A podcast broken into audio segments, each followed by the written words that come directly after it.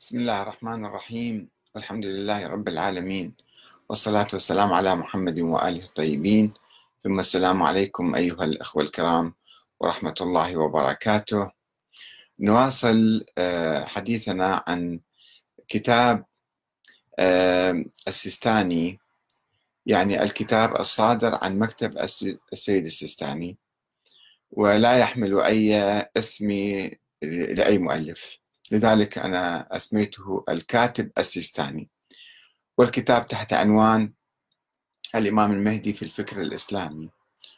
وقد استخدم هذا الكاتب أو مجموعة الكتاب كما يقال آه، سبعة مناهج لإثبات وجود ولد الإمام الحسن العسكري ثم بقائه على قيد الحياة إلى اليوم.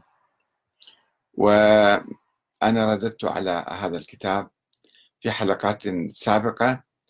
الموضوع الأول الذي طرحه هذا الكتاب هو أو المنهج الأول الدليل الأول آه، أن المهدي العام أنه هذا فكرة المهدي موجودة في كل الأديان والمذاهب وعند السنة وعند الشيعة وكذا. فبصورة عامة يعني ما في حديث حول من هو الإمام المهدي. وأنا حقيقة كتابي آه، هذا شوفوا ورايا لم أتحدث كثيرا عن موضوع من هو المهدي. إنما تحدثت عن هذا الثاني عشر اللي هو محمد بن الحسن العسكري. هل هو موجود أم فرضية فلسفية؟ هل هو حقيقة تاريخية أم فرضية فلسفية؟ وكان المفروض بأي جامعة أو مركز أو معهد علمي أو حوزة أن تأخذ كتابي وتشوف أنا شنو قايل. وبعد ذلك تردوا عليه. لأن لا تكرر نفس الكلام. أنا مستعرض كل الأفكار وكل الأدلة وكل البراهين اللي يجيبوها منذ ألف سنة إلى اليوم حول إثبات وجود هذا الولد أو هذا الإنسان.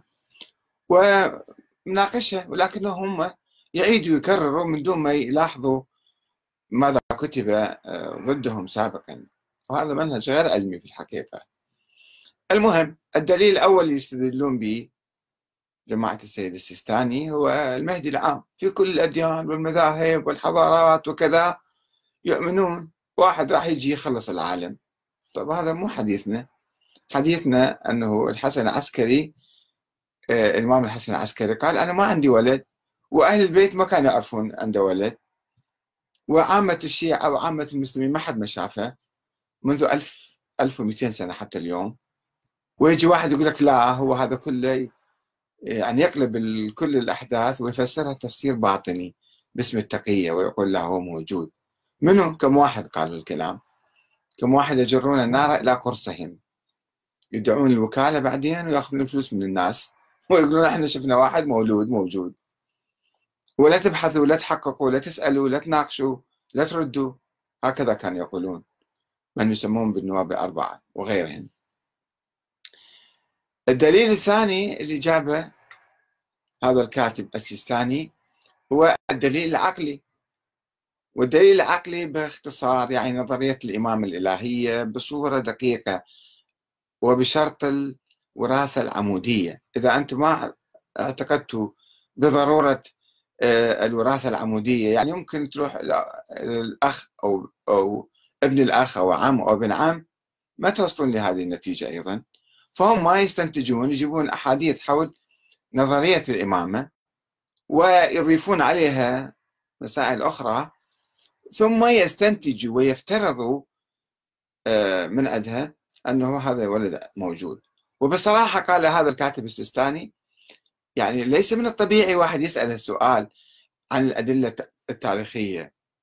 وما عندنا حاجة حتى نجيب دليل تاريخي على ولادة هذا الإنسان رغم أنه هو هذا الدليل الوحيد المعقول والعلمي والشرعي والمحصور اللي يجب أن يستدل به على وجود أي إنسان الدليل التاريخي.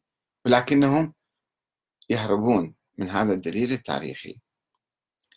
اليوم في هذه الحلقة نناقش تنازل هؤلاء وإتيانهم بالدليل التاريخي.